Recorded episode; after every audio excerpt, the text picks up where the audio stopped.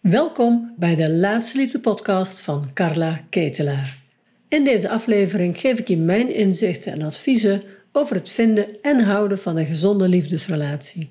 En waarom het je tot nu toe niet gelukt is en wat er nog nodig is, zodat jij ook jouw eindman of eindvrouw in je armen kunt sluiten voor de relatie die je zo graag wilt. Dit wordt een aflevering uit de Losse Pols en ik ga jullie een inkijkje geven achter de scherm van laatste liefde. En dat komt, ik heb net twee, ja, noem maar even, draaidagen achter de rug. En dat betekent dat we hebben veel video's opgenomen. We hebben hele mooie verhalen van vrouwen die bereid waren hun verhaal te vertellen over de ervaring met laatste liefde. Fantastisch lief dat ze dat hebben willen delen. En dat waren bijzonder ontroerende verhalen, moet ik zeggen. Ik zat er met tranen in mijn ogen naar te luisteren. En er zijn foto's gemaakt en nou van alles. Dat waren echt twee fantastische dagen waarin ik besloten had om een videograaf te vragen en een, een fotograaf. Dus, en een prachtige locatie. En we hadden eigenlijk twee hele fijne dagen. En waarom ik dat gedaan heb, is dat ik vrij vaak wordt mij gevraagd: kan ik iemand spreken die, die jouw programma heeft gedaan?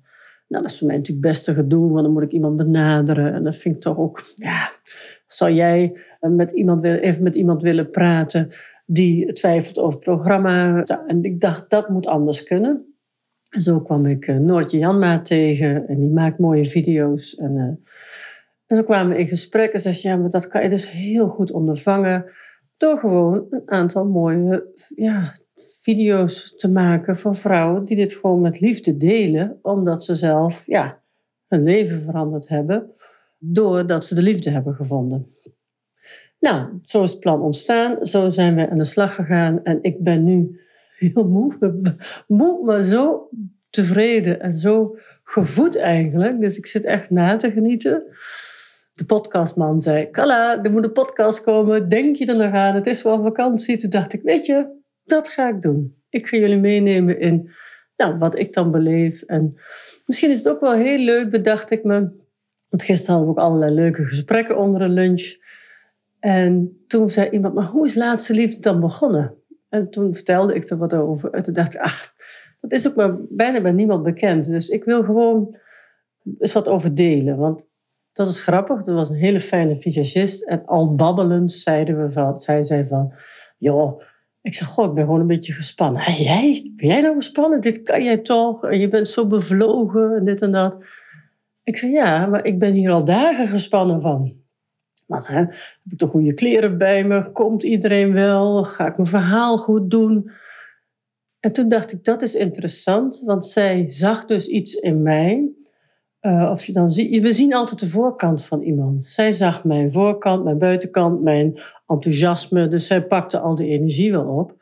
Maar er is natuurlijk ook nog een verborgen binnenkant die niet zo zichtbaar is. Of die, die eh, ik dan, of maar bijna iedereen denk ik wel, goed kan verbergen. Ik heb me geoefend om het ook te uiten. Dus ik zei dat ook tegen haar. Ik ben best gespannen. En dan is het dus heel interessant dat anderen iets in je zien wat je zelf heel vaak niet zo voelt. En ik ben bevlogen en ik kan heb mijn hart hierover vertellen. Maar ik ben ook een mens en ik ben ook gespannen. En ik vond het spannend gisteren. En gaandeweg de dag werd het makkelijker, losser. Uh, dus het was voor mij ook een feestje. Maar wat ik er eigenlijk mee wil zeggen, is wat je aan iemand waarneemt, is dus heel vaak niet de waarheid. Tenzij we iemand beter leren kennen. En dan ook daarna kunnen vragen of hè, de persoon deelt zelf makkelijk iets. En zo is het ook heel vaak in de daten. We nemen zoveel aan van het beeld wat we hebben van iemand of een korte eerste indruk. Maar meestal is dat, zit er een wereld achter. Nou, dat weer even aan het coachen. Ik ga terug naar Laatste Liefde. Hoe is Laatste Liefde begonnen? Ik had een therapiepraktijk, een kleine praktijk, want ik werkte ook nog. Ik was directeur van een kinderopvangcentrum. En dat deed ik ook met veel plezier. Maar gezien de. Iedere keer als er in politiek Den Haag iets veranderde, veranderde er ook iets voor de kinderopvang. dan moest ik mensen ontslaan en dan moest ik mensen weer aannemen. Hele strenge veiligheidseisen, waar ik eigenlijk toch eh, heel veel mee bezig was. En op een bepaald moment voelde ik, ik wil niet meer eh, ik wil niet meer het verhaal van een ander doorgeven. Ik wil zo graag mijn verhaal doorgeven. Want ik had natuurlijk ja, best een en ander meegemaakt. Ik had een interessante therapiepraktijk. Ik had een aantal, ja, denk ik, een vier, vijf mensen in de week naast mijn werk. En dat was eigenlijk groeiende. En ja, ik voelde dat mijn hart daar lag. Bij het mee kunnen helpen groeien en daardoor een verandering krijgen in je leven waar je gelukkiger van wordt. Meer in balans, rust vinden, een soort tevredenheid in je leven, waardoor je ja, gewoon lekker kan doen waar jij, waar jij behoefte aan hebt, waar jij gelukkig van wordt, dat je je werk met plezier doet, dat je de liefde kan hebben met iemand op een volwassen manier dat je fijne contacten hebt die niet beladen zijn of waar je s'nachts over ligt te piekeren. Nou, allemaal dat soort dingen. Dus van die praktijk werd ik eigenlijk wel heel gelukkig. Maar ik voelde ook, ja, hoe, hoe begin je zo'n praktijk, enzovoort, enzovoort. En op een bepaald moment had ik een... Ik, zat op, ik ben een hardloper. En ik zat in een groepje hardlopers. En met haar sprak ik regelmatig... Een van die vrouwen sprak ik regelmatig over de liefde. En wat ik er meegemaakt had. Oh, zij was aan het daten.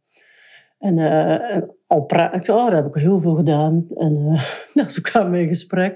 En toen zei ze op een bepaald moment, zei ze van, uh, zou ik niet met jou kunnen praten? Ze wist dat ik therapeut was. Maar goed, ze was ook een beetje een vriendin. Zou ik niet met je, zou je me willen helpen? Zou ik met je kunnen praten over hoe jij het gedaan hebt? Nou, helemaal dat, eigenlijk die vragen. Ik oh ja, dat vind ik wel leuk. En toen zei ze, maar dan wil ik het gewoon een beetje, een beetje grondig. Hè? Een beetje ik wilde echt goed induiken, want ik denk dat ik iets niet goed doe. Ik dacht, ja, grondig, hoe doe je dat? Ik was natuurlijk wel therapie-sessies gewend. Ja, en in die periode daar net zo omheen, ik weet niet meer of het ervoor of daarna was, was een van de vrouwen die ik in therapie had, die had een hele fijne liefde ontmoet en die ging stoppen bij mij omdat ze ook haar proces goed had gedaan en die liefde was gekomen. Daar kwam ze overigens niet voor bij mij, voor heel veel andere dingen. Maar de liefde was eigenlijk een resultaat van al haar veranderingen. Dus wat er gebeurde was dat nee, ik ga stoppen. En bij ons evaluatiegesprek zegt ze, Kalla zegt ze, ik ben nu met hem omdat ik uh, zoveel geleerd heb bij jou over mezelf. En ik weet zeker dat al die dingen die ik geleerd heb over mezelf hebben geleid tot deze liefde. Ik kan het je niet goed uitleggen, maar ik weet het 100% zeker. Toen zei ze, daar moet je iets mee doen vrouw van 28, geweldig. Carla, daar moet je iets mee doen. En dat liep net met mijn verhaal met mijn uh, hardloopvrienden. Dat liep een beetje zo in één maand was dat ergens zo gepasseerd. En toen dacht ik, hey, ik ben erg van de synchroniciteit. Ik geloof heel erg dat de kosmos ons signalen geeft dat als we een bepaald idee hebben, een bepaald spoor zitten, dat je tekens krijgt. Dat je in één keer, in één week of in één maand, een paar keer dezelfde situatie krijgt of een paar keer iets krijgt van hé, hey, dat is bijzonder, dat zei die of die laatst ook. Dit was voor mij zo'n soort synchroniciteit moment. En toen dacht ik, daar ga ik iets mee doen. Dus ik dacht, hoe ga ik dat nou aanpakken? Ik dacht, nou, misschien is een dag wel goed. Zo'n hele dag met één persoon aan de slag. Uh, en dan lekker er helemaal induiken. Op alle tijd hebben.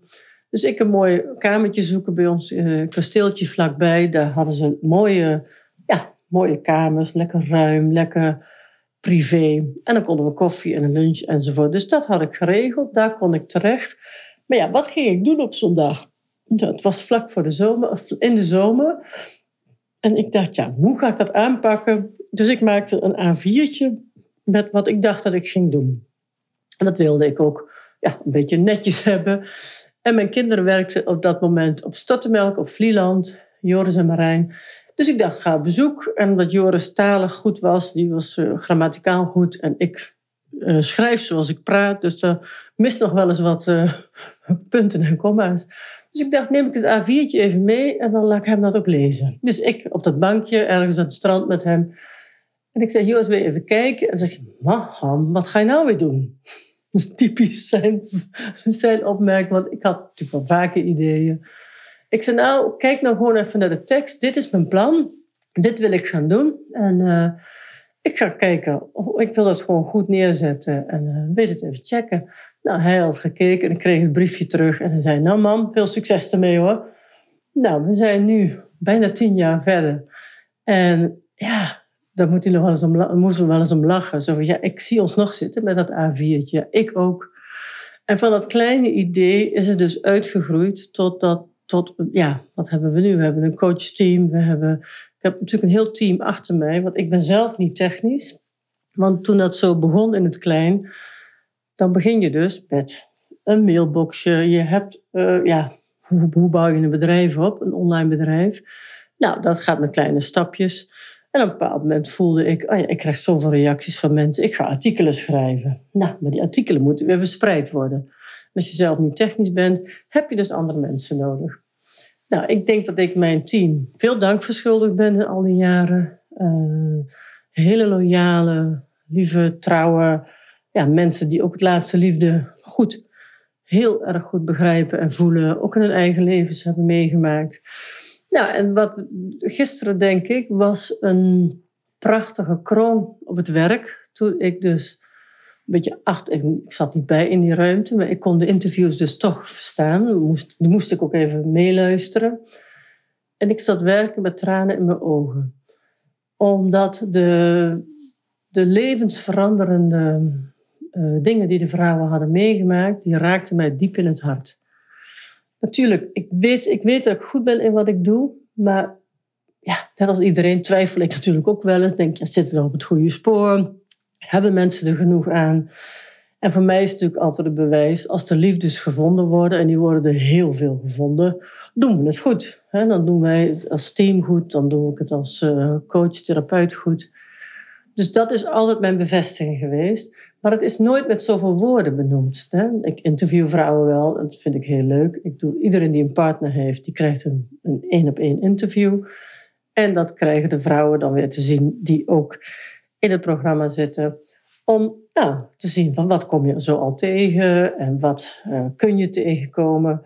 Wat heb ik overwonnen? Wat is mijn advies aan jou? Dus er zit heel veel wijsheid in de vrouwen die het programma hebben doorlopen. Die hebben een heel innerlijk proces doorlopen. En die hebben hele mooie persoonlijke adviezen uit hun eigen ervaring. Nou, dat, die interviews die gaan dan weer terug in het programma. En daar hoorde ik natuurlijk wel eens wat. Maar nu vroeg iemand, stelde iemand anders totaal andere vragen dan die ik normaal stel. Het was zo open en eerlijk en zo. Ik zelf, ik weet wel dat het een levensveranderend programma is, dat zeg ik ook altijd. Maar waar ik denk ik zo door geraakt was, ben, is dat het zo concreet was. Dat mensen heel concreet konden zeggen: Mijn relatie met mijn kinderen is enorm verbeterd. Ik geef ze grenzen wat ik gewoon niet kon, of niet deed, of te weinig deed. Of uh, nou, de liefdes die gevonden worden. Maar vooral ook, dat vond ik nog het meest verrassende. De liefdes waren eigenlijk de kerst op de taart. Een vrouw zei: Ja, ik dacht gewoon, ik stap in en Carla regelt dan die man voor mij. Geweldig. Maar ja, dan zit je in mijn programma. En wat ik zo mooi aan haar verhaal vond, was dat ze zei. En toen ik erin zat, was het natuurlijk zo ontzettend logisch. Want ik wist wel dat ik nog dingetjes, nog wat issues had. Maar ja, hoe, hoe los je dat dan op? Hoe ga je dat anders doen? En zij was dus eigenlijk ook heel blij dat we eerst met haarzelf aan de slag gingen. En in een maand of vier, vijf heeft ze een enorme slag gemaakt op een aantal thema's in haar leven die ook effect hebben op het werk, die ook effect hebben op haar relaties, op haar gewone relaties. En zij is nu heel, ja, met heel relaxed aan het daten. Ze heeft toevallig gisteren na onze draaidag, had ze een hele leuke afspraak. En dat was, ja, nu gaat ze lekker op vakantie, dus die afspraak is geweest, er is een vervolg. En wat ze ook zei, het is zo fijn dat ik het allemaal niet zelf hoef te regelen.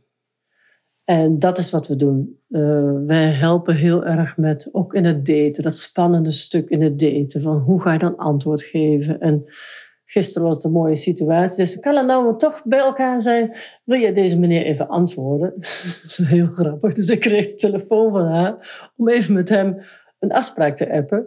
En zij had eigenlijk al afgehaakt, omdat ze zei: ja, hij laat niks van zich horen. En dat was een heel grappige situatie. En ik had dus een mail-appje gestuurd. En vlak voor zij vertrok, gaf hij dus een reactie. Dat lijkt mij heel leuk, dan en dan, daar kan ik zijn. Nou, toen had ze nog zoiets van, ja, nou ja, het is wel heel laat toch? Ik zei, nou ga nou gewoon lekker. En dat blijkt dus een hele erg leuke man te zijn, die gewoon niet zo druk is met zijn telefoon. Nee, die mannen willen we toch? Nou, dus het is. En dan is het ook leuk, want dan bel ik haar nog even en dan zeg ik van, weet je wat? Toen zei ze ook van, ja, ik had hem misschien zomaar, was het misschien toch zomaar niet gegaan. Nou, en dat is wat we doen. We zijn er op spannende momenten bij. We sturen bij, we adviseren. Maken mooie tekstjes, maken ook een, een app-tekst als je de zoekende bent enzovoort. Dus dat is de kracht, denk ik, van dat we dat samen doen. En zij zei zelf ook, ik heb, eh, je gaat het allemaal nog een keer horen hoor, maar ik heb wel vaak, ik ontmoet eigenlijk best vaak leuke mannen, maar met mijn oude energie, met mijn oude uitstraling, zag ik ze gewoon, eh, zag ik niet de juiste mannen. Ik zie nu, ik trek nu hele andere mannen aan. En dat is precies waar het over gaat. Het ligt namelijk niet aan de mannen dat we geen relatie hebben. Het ligt aan onze eigen instelling, aan onze eigen uitstraling, aan dingen die vaak nog onverwerkt zijn, uh, oude patronen. En we hebben heel vaak het idee dat dat uh, niet meer meespeelt. Maar als ik hoor of van jou te weten kom wat, jou, wat je nu meemaakt in relaties, kan ik uitstekenen hoe, uh, hoe je als kind de liefde hebt ervaren. Of hoe je, waar je opgegroeid bent of hoe je opgegroeid bent. Omdat we dat deel van vroeger, dat laten we eigenlijk, dat, dat, dat, dat uitzicht in hoe we nu met de liefde omgaan. Heb jij een emotioneel afgesloten vader gehad, dan zul je waarschijnlijk meerdere relaties hebben gehad met emotioneel afgesloten mannen. Heb jij een hele dominante uh, ouder gehad, dan zul jij je heel erg aanpassen aan anderen. En dan kom je dat tegen in relaties.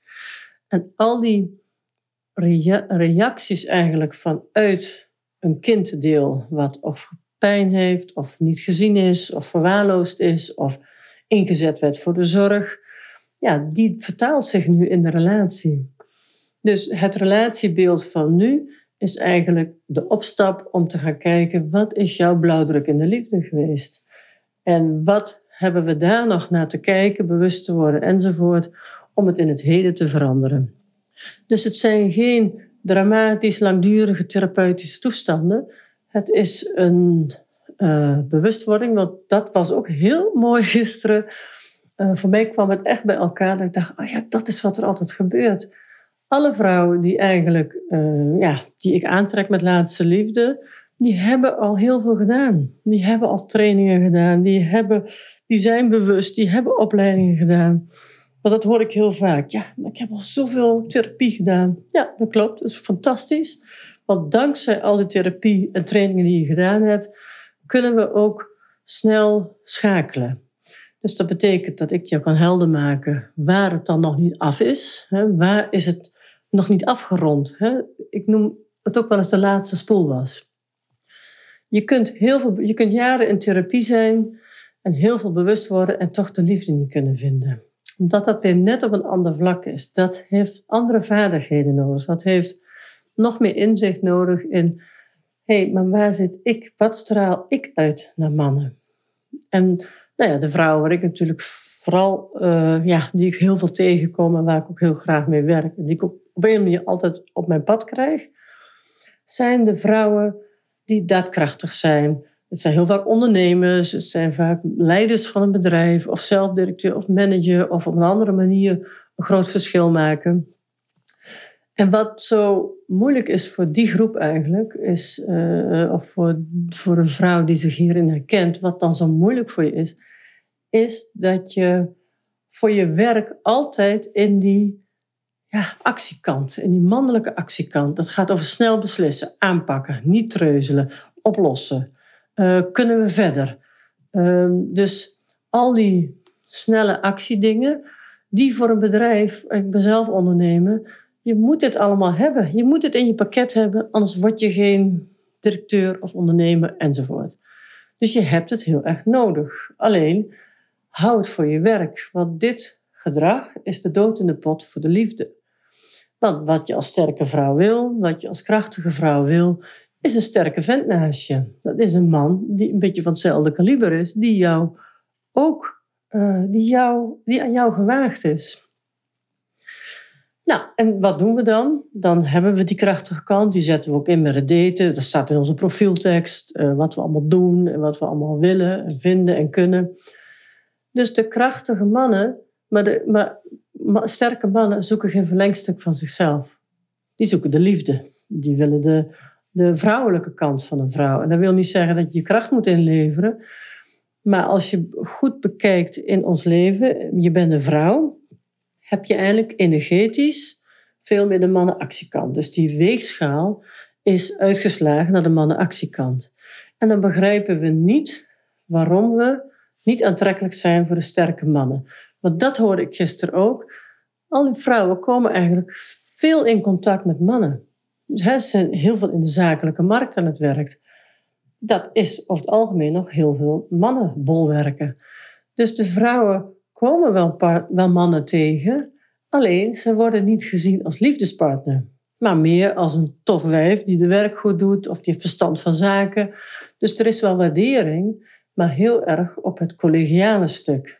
Terwijl je ook af kan vragen, waarom word ik niet gezien hè, als een potentiële partner? Of waarom ja, hebben mensen dat beeld niet bij mij? Nou, dat zit hem precies daarin. Omdat we het actiestuk naar voren zetten terwijl we vrouw zijn. En dat actiestuk moet zeker blijven, want je kunt je kracht niet, niet ontkennen. Dat is nou eenmaal zo. Je kunt niet doen of je een muis bent als je een tijger bent. En dat is ook met krachtig zijn.